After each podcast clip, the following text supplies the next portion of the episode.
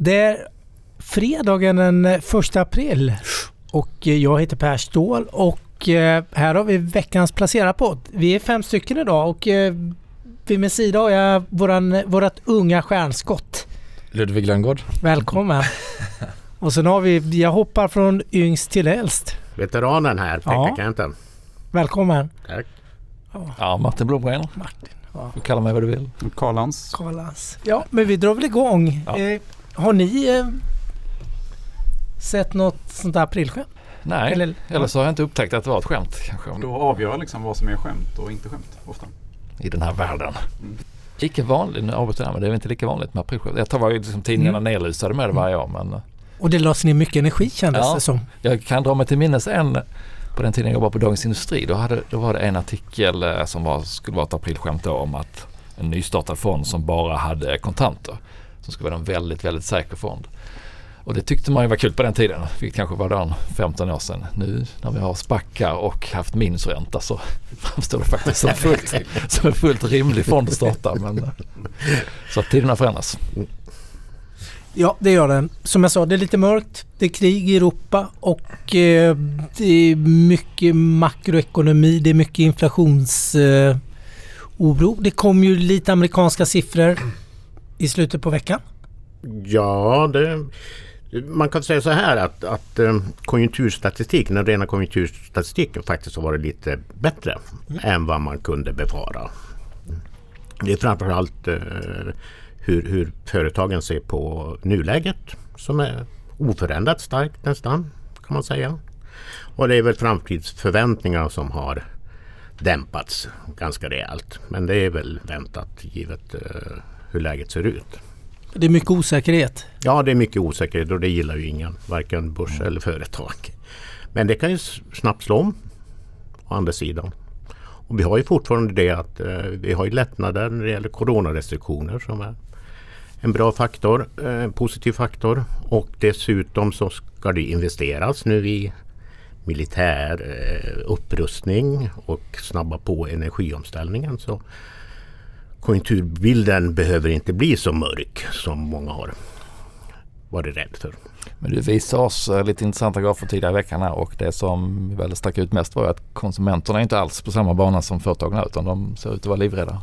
Ja, de är, eh, där har det verkligen slagit om och det är, det är mycket, jag ska inte säga att det är inte eh, kriget mellan Ryssland och Ukraina den starkast drivande faktorn även fast den Mm. givetvis har liksom lagt extra börda på hushållen utan det är ju den höga inflationen. Höga energi, energi och bränslepriser. Men vi ser ju det att det, även amerikanska hushåll är ju deppiga trots en superstark arbetsmarknad till exempel. Men är inte det den höga inflationen då som Ja. ja. humöret framförallt? Mm. Ja, ja men det är den höga inflationen. Jag menar, för första gången på många år blir det så att man får, eh, får negativa realinkomster bland hushållen. Alltså att inkomsterna rensat för inflation blir negativa. Så att det, och svenska hushåll är ju extremt deppade även i ett internationellt perspektiv. Vilket är väldigt förvånande. Kan det inte bero på kanske balansräknings... eh, Jag vill inte säga problematik, men balansräkningen som är. Det är, vi är ganska högt skuldsatta. Landet inte det, men privat är vi ganska högt skuldsatta. Och nu har inte jag läst senaste statistiken, men det är ganska vanligt med hyggligt korta räntor i sin upplåning. Och du pratar inflation, inflationen driver räntorna och, och Ja. det ena med det andra. Ja, Riksbanken har gjort ett om, tydligt omslag och säger nu att man kommer att tidigare lägga en räntehöjning. Sen får vi se när den kommer. Vissa spekulerar att den kan komma redan i april. Jag tror inte det. Det blir ett för stort och snabbt omslag. Men eh, någon, några räntehöjningar får vi nog räkna med i år. Då. Och, Men det är ju skillnad mot att det då skulle vara 2024 som väl var Ja, precis. bara för några månader sedan som var prognosen. Sen var det en riktig chocksiffra här som Konjunkturinstitutet kom med. Inflationsförväntning hos hushållen ligger på 10,2 procent om ett år. Nu är inte hushållen de bästa på att göra inflationsprognoser men på något sätt måste ju Riksbanken hantera en sån, siffra, sån extrem siffra. Liksom. Och det är ju också ett skäl till att hushållen är deppiga. Tror man på en inflation på 10% och löneökningar på 2 så ja. Men blir inte det lite självgenererande? Är man lite deppigare konsumerar man kanske lite mindre, tänker jag. Att det inte blir den här stora efterfrågan blir lite lägre. Att... Men samtidigt är du ju livrädd för att pengarna blir mindre värda också. Så du kanske är snabbt ute och köpa grejer också. Ja, nej men hushållen har ju eh, varit, hållit, alltså, hållit spenderbyxorna på hittills. Och som sagt var en mycket stark arbetsmarknad även i Sverige. Så att, ur den aspekten så, så finns det ingen, inget skäl att strama åt just nu. Utan det är ju att som sagt, den höga inflationen betar av en del av det man skulle kunna spendera på annat. Ja, man kan väl gissningsvis har väl inte de flesta konsumenter som svarar på en sån här enkät koll på hur en KPI-korg sätts samman. Utan man ser ju vad som har gått upp i ens egen privatekonomi. Vilka vilket då är uppvärmningskostnader och drivmedel och sen så slår man väl till dem med 10 låter väl rimligt. så, ja. så det kan inte jo, man kan inte ta för, nej, nej, det för mycket man, allvar på nej, den exakta det, siffran. Nej det ska man absolut inte göra men för Riksbanken är det ändå liksom en signal att man ligger helt snett. Mm. Det är ju ändå deras liksom underliggande löfte är ju att inflationen ska vara 2% Både till hushållen och till liksom eh, arbetsmarknadens parter. Och vi ska in här i en eh, stor eh, löneförhandlingsomgång här. Eh, så man måste skicka rätt signaler. Väntar Riksbanken med att höja räntan till de diskussionerna har kommit igång eller hur? Är man, man är ju fri liksom men hur känner du? Tar man hänsyn till både att det är valår och att det är stora förhandlingar? Nej, inte att ett valår. Det, det tar man inte hänsyn till. Däremot tar man hänsyn till man ska ta hänsyn till hur löneförhandlingarna utvecklas. Men nu är inflationen så hög i Sverige och kommer att stiga väsentligt de kommande månaderna. Så jag tror att man måste höja räntorna en gång bara för att skicka liksom den signalen. Och jag är helt övertygad om att det redan finns tre stycken i den här sex man starka riksbankdirektionen som, gärna, som skulle kunna tänka sig att höja redan på nästa möte. Någon siffra att ungefär halva bolånestocken är bunden och halva är rörlig bland svenskarna. Så att skulle det börja höjas de korta räntorna så kommer det ganska snabbt att kännas från väldigt låga nivåer naturligtvis. Men ändå. Eh, folk har väl en tendens att räkna på den kostnad man har nu. Och kanske inte planer, alla planerar kanske inte jätteför, jättemycket för räntehöjningar. Så att det är klart att det kommer att bita en del om de börjar höja redan i april. Ja, men eh, å andra sidan har ju räntorna redan gått upp så att säga. Även de korta räntorna. Mm.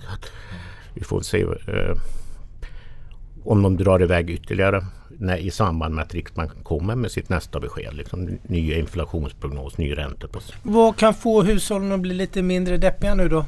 Vad krävs för det? Men precis som Martin säger, att det är mycket man tittar på liksom det här som man här själv, själv här och nu mm. lite ja, dieselpriser på liksom 25, nästan 30 kronor litern. Elpriserna har varit skyhöga länge nu. Liksom. Så får vi liksom det Får vi se de liksom priserna gå ner så tror jag att man kan bli lite gladare. Och givetvis att liksom kriget mellan Ryssland och Ukraina upphör. Det kanske är bottenkänning mm. även där? Ja, jag, jag har svårt att se att hushållen ska kunna bli surare. Alltså, vi pratar ju om nivåer som vi har sett tidigare tillsammans i, i samband covid-utbrottet eller, eller liksom den amerikanska finanskrisen. Och det, där, i det läget är vi ju knappast nu. Liksom. Nej, jag tänkte på det också. Jag kan dra, då hoppar vi lite vidare till, vi backar bandet till 2008 vid Liman där ungefär. Då var det ju extremt eh, mörkt. Det var ledsamt. Ja, det var, då var det riktigt mörkt. Och jag tänkte, du pratar om hushållen. Eh, man är i de, liksom de takt, trakterna igen nu med, med, med, med utsikterna. Bofa som har sin investerarenkät kom ju den kom ju alltid lite fel höll jag på att säga men den här månaden kom den väldigt fel. För man gjorde undersökningen första veckan i mars precis när kriget mm. hade brutit ut och det var som mest osäkerhet. Den, den nådde ju bottennoteringar på det mesta. Man hänvisar till att det, det är Liman-nivå på riskviljan och på synen på företagens eh, vinstutveckling, global, global tillväxt och så vidare. Då. Det, men samtidigt så vände det ju bara några dagar senare. Jag tror det vände i princip på dagen den kom ut. För den görs ju, sen laggar det några dagar, sen, sen släpper man då. 7-8 mars där börjar ju på något sätt. Då började jag tror den gjordes fram till den tionde då. Ja. Så det, man satt väl och svarade på den här när det var som absolut mörkast. Sen kom den ut den 14 eller någonting och då hade vi haft några positiva börsdagar. Är, är du överraskad av uppgången ifrån bottennoteringen om vi tittar på den? Den har ju varit eh, ja, fram till igår i alla fall var, har du varit väldigt tydlig. Ja, jag måste säga att jag är förvånad över att, över att uppgången har blivit så, så stark. Det finns ju jättemycket trots allt att oroa sig för och vi har haft en kraftig amerikansk ränteuppgång till exempel. Eh, amerikanska centralbanken har höjt räntan och aviserat liksom väldigt många räntehöjningar under 2022. Och tidigare så har ju marknaden reagerat negativt på den typen av signaler. Fast nu har ju räntorna, räntorna och börsen gått så att säga åt samma håll.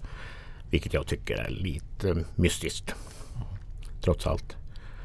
Och vi har en eh, inverterad yieldkurva för första ja, gången på... Ja, sen, första gången sedan 2019. Och inverterad räntekurva betyder att de långa räntorna är lägre än de korta.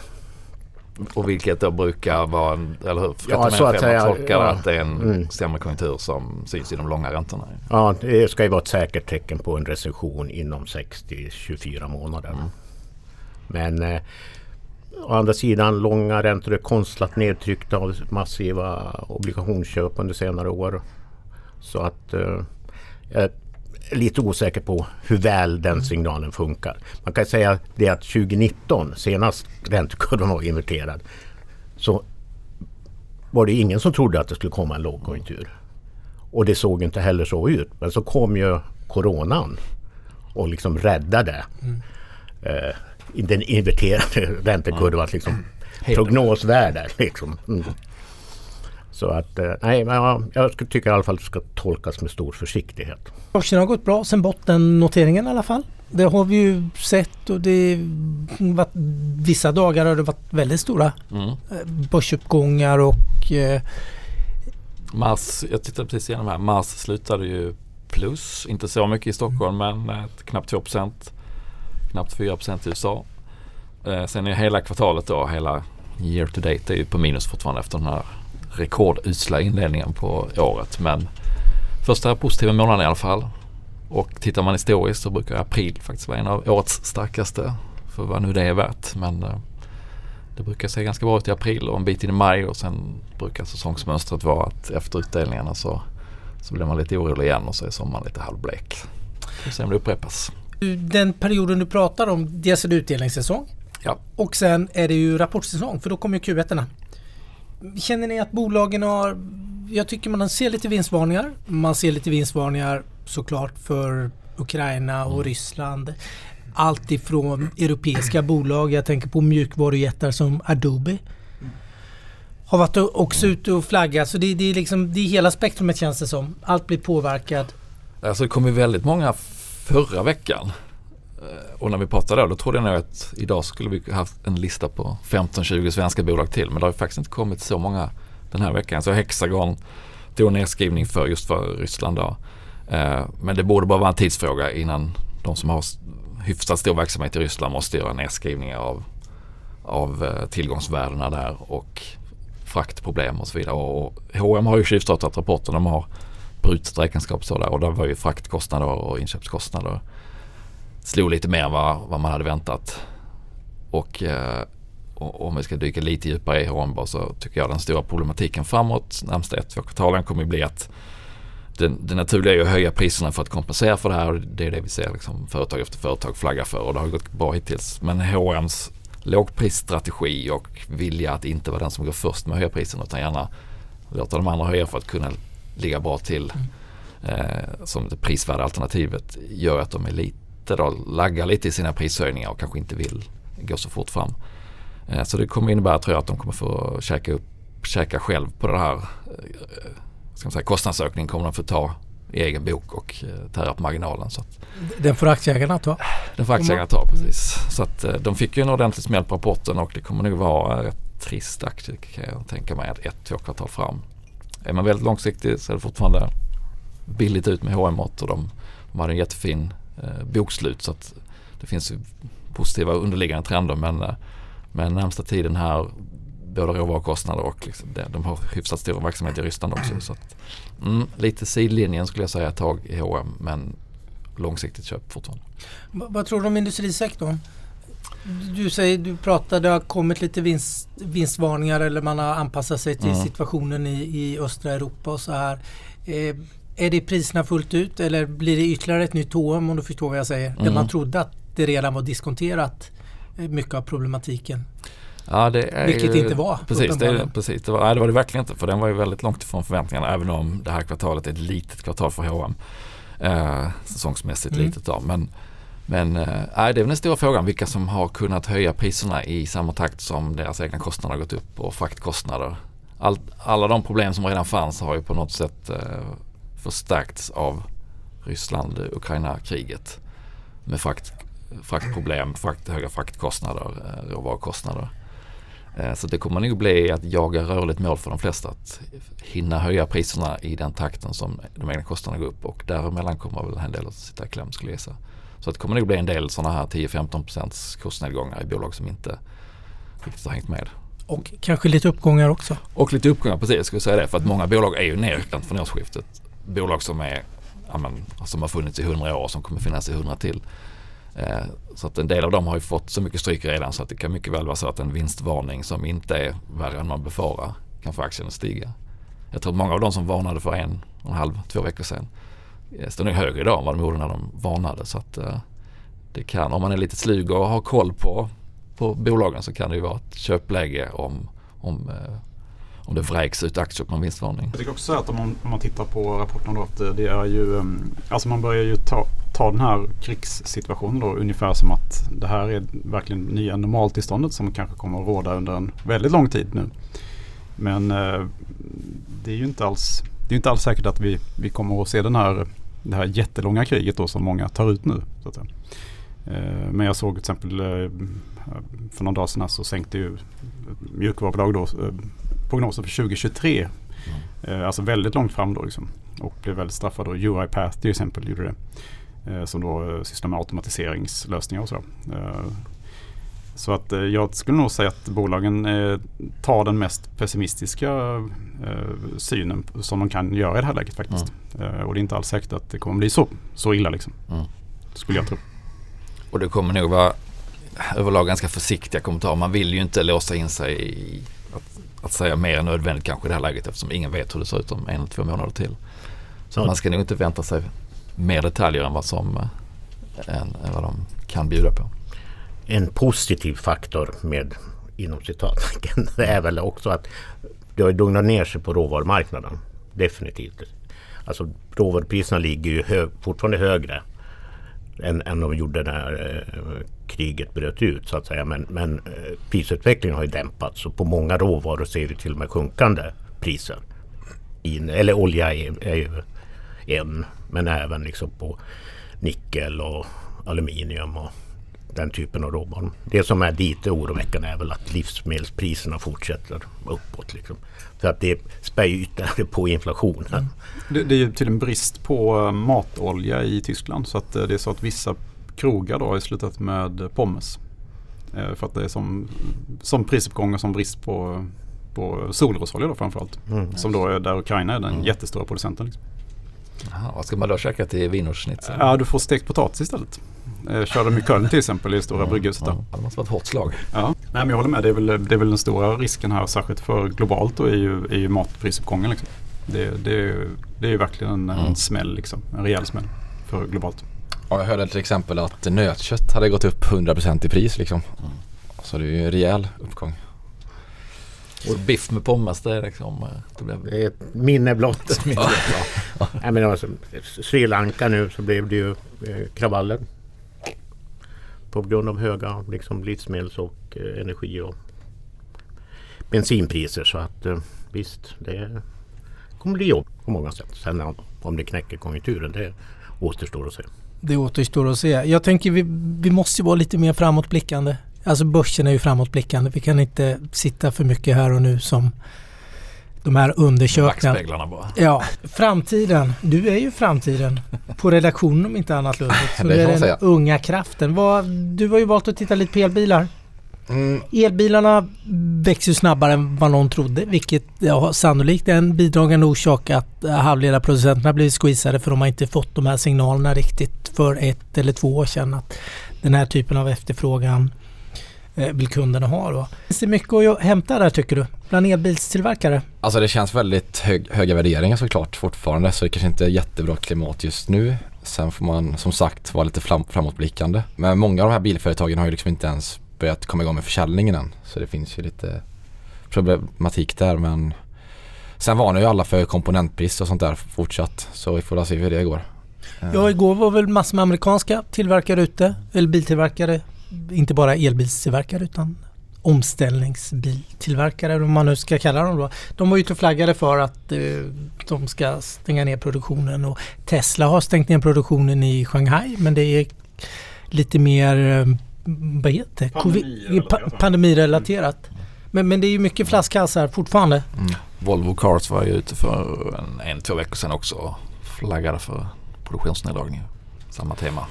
Men jag har ju kollat på ett annat bolag som heter Axon Enterprises. De är verksamma inom eh, rättsväsendet och effektiviserar hela rättsväsendet. Så det är ju en av eh, en riktig vinnaraktie om man kollar sedan noteringen 2001 där de hette, då hette de Taser International om ni kommer ihåg dem. Ja, det gör vi absolut. Eh, De är upp till ungefär 30 000 procent sedan dess. Så det är riktigt jäkla bra. Pekka du som alltid snackar om att du vill ha 10 baggers av Ja. oss. Nej? Där har du den. Varför tipsar ni inte om den? Men under den här perioden Musiken. Ja, det förstår jag. Eh, under den här perioden så höll de främst på med tasers, så det är elpistoler då. Eh, som ska rädda liv då. Eh, istället för att ja, man använder vapen som dödar så använder man tasers istället som räddar liv då. Fast nu under de senaste åren har man expanderat sin verksamhet till mjukvarulösningar och eh, kameror och VR och ja, man, man gör liksom ett helt ekosystem. Eh, så jag tycker det är väldigt spännande bolag när det blir mer och mer mjukvara. Det här Axon Cloud växer väldigt bra. Det är liksom tillväxtmotorn. Där man eh, hjälper polismän, alltså tjänstemän att eh, effektivisera pappersarbetet och kunna dela videofilmer om sånt där. Är det polismyndigheter som är stora kunder? Ja, främst är väl det. Sen har ju de även börjat med försäljning mot privata konsumenter och så privat säkerhet. Så de har ju lanserat nyligen en elpistol som heter Bolt 2.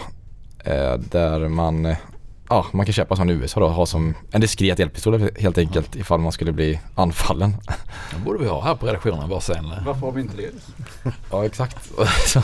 Ja men jag tycker det är ett spännande case och man märker också att det, det här mjukvarudelen behövs. Man, inte minst på den här eh, Net Revenue Retention Raten som är på 119. Som betyder att man säljer 19% mer till de befintliga kunderna varje år. Så Är de lönsamma? är det svenska polisen är väl en stor kund va? ja, Sverige har nyligen köpt in de här elpis- elpistolerna och även kamerorna då som filmar eh, vid eh, när man till exempel tar upp eh, elpistolerna, elpistolerna ur hölstret så börjar alla kameror filma, alltså poliskamerorna filma runt om som är kopplade med bluetooth då. Så man får eh, hela händelseförloppet i olika vinklar. Så det hjälper liksom att få mer, rest, äh, mer rättvisa liksom i samhället. Så jag tycker det är en spännande trend liksom att, ja. Och jag tror att aktien kan vara bra att plocka upp här snart. Ja, det låter ju som bolagsrisken har minskat betydligt om man tidigare bara gjorde elpistoler och idag har man en mycket bredare utbud. Ja precis, det är, ingen, det är inget enbruksbolag längre. Nej. Och sen lanserar man liksom nya tjänster och nya mjukvarulösningar hela tiden. Så det kan man också hålla koll på om man, om man vill gå in i bolaget. Finns det några konkurrenter då? Ja det är klart det finns. Det finns eh, Motorola tror jag de heter. Eh, något sånt där. Eh, och de är ju verksamma inom liknande delar. Ja. Smith Wesson Så det, ja. innan en nisch. Men tjänar de några pengar eller är det? ja, de har fritt kassaflödespositiva är de. Eh, och solid balansräkning, inga skulder. Jag tror det var 405 miljoner dollar i nettokassa.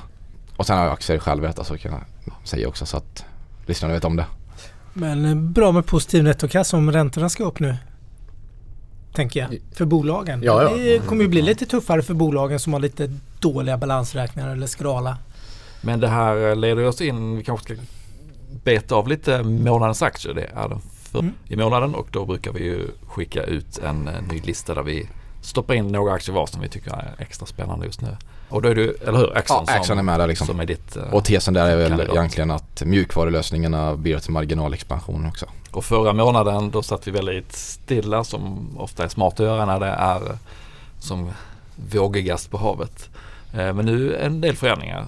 In med Axon. Jag kan dra mina som får Mm. ta en kort. Jag hade tidigare med Dometic och H&M som ju är eh, drabbats av den här oron för hur konsumenterna ska agera. Dometic gör ju kyla och annan utrustning till båtar och husbilar och sådär. Jag tror väl att det är bra aktier på lång sikt men i det här skedet så har jag svårt att se någon trigger närmsta månaderna, kvartalen. Så att säger jag adjö till och så tar jag in Garo som ju är en av ett av bolagen som, som gör uh, utrustning för laddstolpar och elinfrastruktur. Ett fint litet Gnosjöbolag som har eh, bra lönsamhet, eh, ganska högt värderat men inte lika högt som flera av de andra nya, lite nyare ladd, laddinfrastrukturbolagen. Så att, eh, och de har haft ett ganska tungt sista kvartalet, halvåret på börsen men efter att ha skenat upp ordentligt tidigare. Så att de tar plats för min del. Hur stor del av eh, omsättningen är elbilsladdare? 30 33-34 procent om jag inte missminner var det i, i senaste, senaste rapporten. Men då har de ju också den utrustningen som man behöver om du i ditt hem då ska sätta in en elbilsladdare så behöver du förmodligen dra med massa annan el och sätta in andra elskåp och sådär. Som är deras traditionella verksamhet. Så att för varje elladdare de sätter in så driver det också försäljningen av deras andra produkter. Så att jag skulle säga att den siffran underskattar ändå rätt kraftigt hur, hur viktiga elbilsladdarna är. Mm. Plus att det är elbilsladdare som växer snabbast såklart. Så att, de har bra tillväxt, ebit-marginal på 16 så att det är liksom ett eh, stabilt lönsamt bolag i grunden som då har ska man säga, kopplat på en ny motor i med den här ladd, eh, ladddelen. Spännande. Mm, spännande, lite högt värderat såklart eftersom de växer så mycket men eh, jag tror de snabbt växer in i det. Ja, jag har lyft ut BHG, Bygg Hemma Group. Eh, väl, alldeles för sent. Det har varit en katastrof mer eller mindre.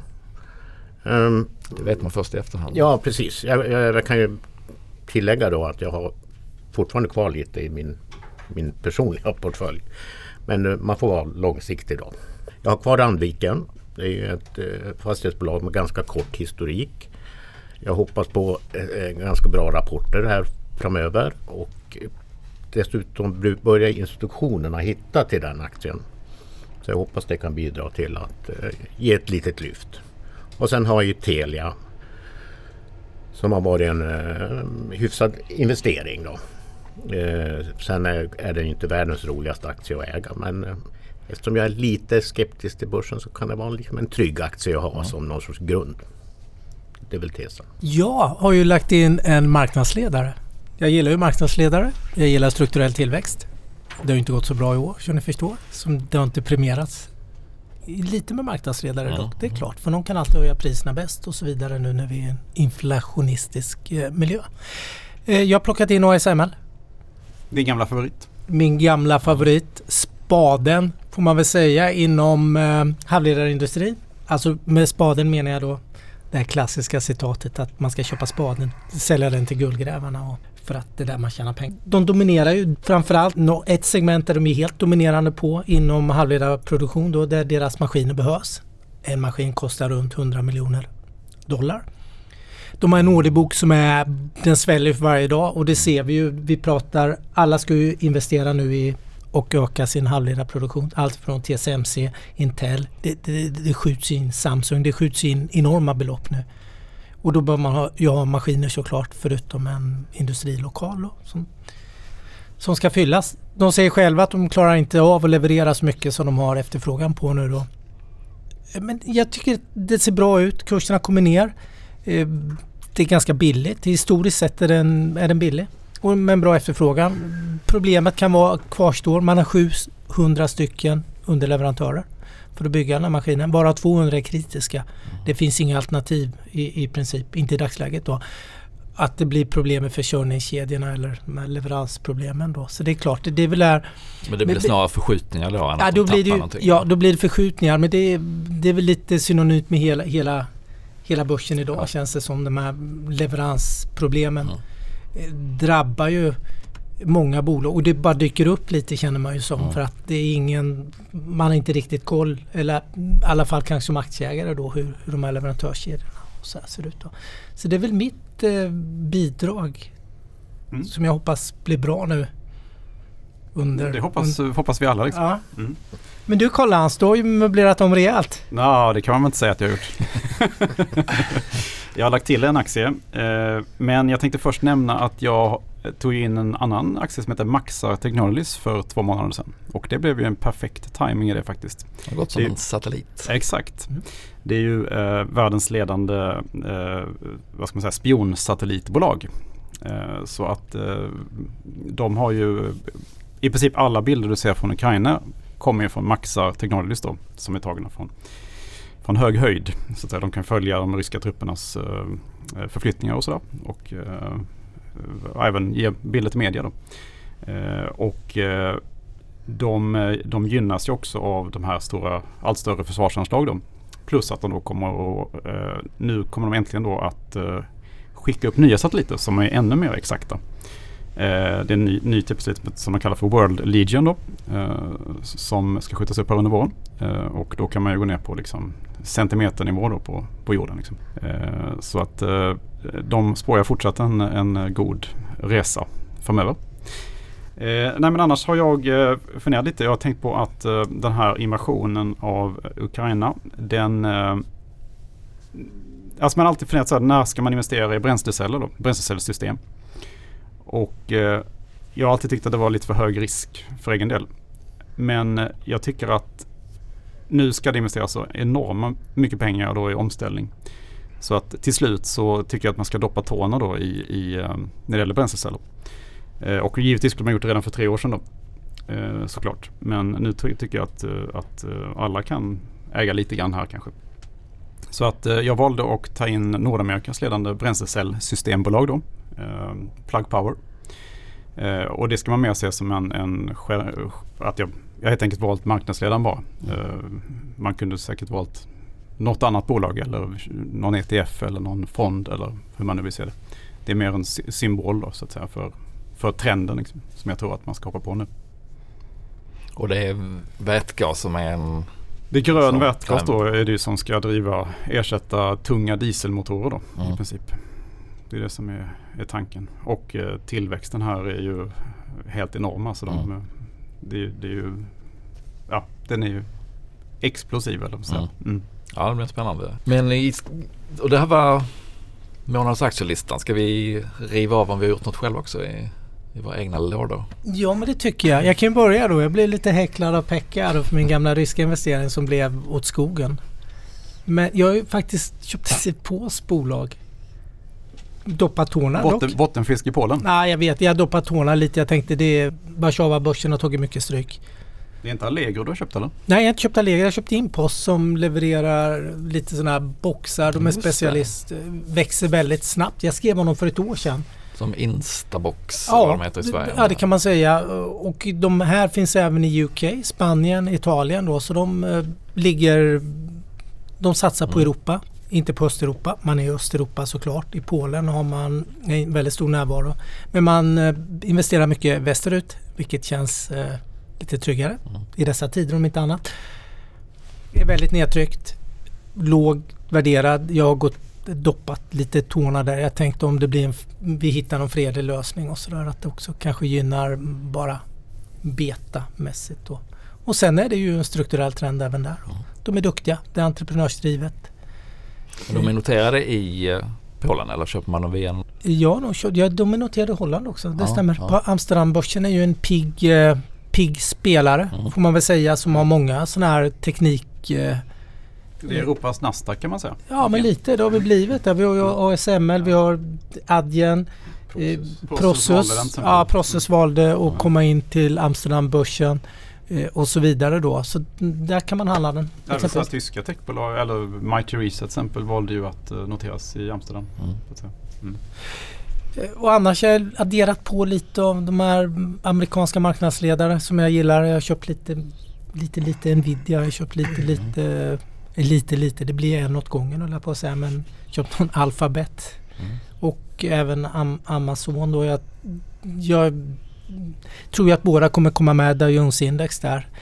Det får inte en jättestor effekt. Det är inte det indexet som har mest eh, produkter kopplade till sig. Men det har ett stort värde ändå. Är du ett DAV-bolag, de här 30 bolagen som är, ska återspegla den amerikanska toppen eller gräddan av det amerikanska näringslivet så ger det en, en viss eh, kredibilitet. Jag har faktiskt eh, börjat skala mig in i ett bolag som heter Ferroamp Elektronik. Väldigt litet bolag. Eh, noterat i Sverige.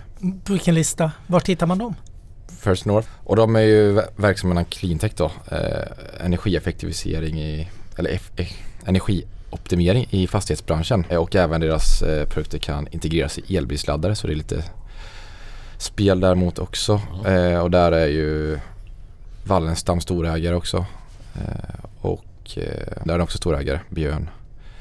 Eh, och jag tror att de kan växa bra framöver här och vi får väl se. Det är ju såklart stora risker med sånt här litet bolag men vi får se. Yes, och eh, jag pratade om Euro iPath här precis eh, och jag eh, var tvungen att öka på mitt innehav lite grann där nu när den föll så mycket. Så att det är det enda jag har gjort senaste veckan. Köpt lite mer sådana igår här när det, när det rasade på då. Var ner 30, 30% aktien något. Och det egentligen hade de tagit ut det här redan innan. Liksom. Aktien har ju, har ju, den noterades på 56 dollar i april förra året.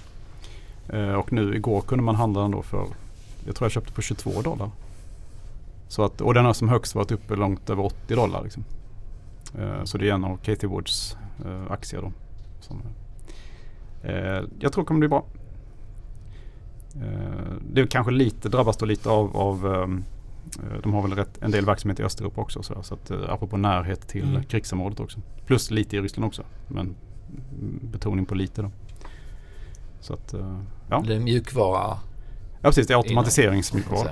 Ja du Per, eh, att jag hånade dig lite för din Rysslandsinvestering var ju bara en hämnd för att du indirekt kallade mig för foliehatt i, i samband med onsdagens dragning. Eh, nej, men jag har inte gjort någonting. Eh, jag har ju dragit ner eh, på risken eh, och har fortfarande hyggligt hög, stor kassa. Jag är, litar inte riktigt på den här uppgången. Att den, Du tror att det är ett björnrally liksom? Ja, jag tror det väl delvis i alla fall. Mm. Vi får se. Jag är nyfiken på kvartalsrapporterna. Jag är nyfiken på vad som händer när eh, amerikanska centralbanken höjer räntan här i maj med 50 punkter som jag tror. Då. Och lite, vill se lite tydligare vart konjunkturen är på väg. Däremot tror jag att man ska liksom kasta sig ur aktiemarknaden helt. Jag menar det finns ju vinnare. Liksom. Definitivt. Ja, det har väl den senaste månaden visat om inte annat. Fast det kanske har varit mörkare än på... Ja, vi får väl backa två år till Mm. när det var som mörkast under Corona-starten där. Ja, och man ska inte vara förvånad över att just amerikanska aktier liksom leder tåget. Liksom, för att dels, dels så klarar man sig bättre så att säga, från kriget och, eh, och inte lika påverkar de höga energipriserna heller. Och dessutom så är det en lite, eh, vad heter safe haven investering. Liksom. Ja, och jag får passa på att be om ursäkt för det här foliehattsangreppet som bara slank ut mig. Ingen fara. Det är första april, det är fredag. Vad säger ni? Ska Vill vi... inte höra vad jag har gjort då? Ja, men förlåt. Jag har inte gjort någonting. Det har du visst. Berätta nu. Nej, jag har inte det. Har du inte det? Nej. Du har inte ens sålt på de här Nej, jag sålde lite aggressiva för- kurser, Nej, men det uppgången gjorde som vi jag såg. Förra veckan och veckan innan det. Så att jag är lite på team Pekka här med lite mer kassa än vanligt. Lite äh, väntar gärna in och ser lite hur, hur spelar det här ut med konsumenter som är rätt oroliga och råvarukostnader som går upp och fraktkostnader som går upp. Så att, svårt att se den här supertriggern som ska få börsen att komma in i en större uppgång. Även om man alltid kommer att kunna hitta vinnare under tiden. Så att lite sådär avvaktande. jag. Men Jag tror att du pratar lite om triggern. Jag tror att du har den. Det var det vi började med faktiskt. eh, Med den här konsumtionssynen på den ena. Mm. Om den faran kan Om börja blåsa nu- över. Är lite att den är kanske bottnat ur. Mm. Så finns det lite att det kan vara en inflektionspunkt. tänker jag. Och sen tror jag, jag tror att räntemarknaden har dragit iväg alldeles för mycket med amerikanska räntehöjningar. Liksom. Så det kan ju också vara en trigger att man lugnar ner sig lite på den fronten. Det får vi ju se i maj. Ja, men jag håller med dig. Karl-Hans var inne på det lite också. De här, och ni har pratat, jag tänker på vinstvarningarna som har kommit, att man kanske tar i lite extra där också när man ändå kommunicerar med marknaden då. Att det, Och att det det, redan ligger mycket i Ja. kurserna får man inte glömma. jag tycker att vi ändå touchar på att det finns lite, det är svårt att ta på det, men det finns lite ändå. Vi hittar någon botten i kvicksanden. Om man sprattlar tillräckligt mycket så kommer man upp till slut. Martin, Nu kan jag vi ta, tittar nu, på dig. Nu Du- ger jag dig ett godkännande. Ja, du, kör du. Nu, nu får du avsluta. avsluta? Mm. Då tackar vi alla lyssnare för att ni har eh, spenderat, investerat tid i att stått lyssna ut på oss. Stått ut med oss och investerat en halvtimme eller vad det kan vara. Och önskar trevlig helg och se upp för aprilskämten. Trevlig helg. Hej! Hej då!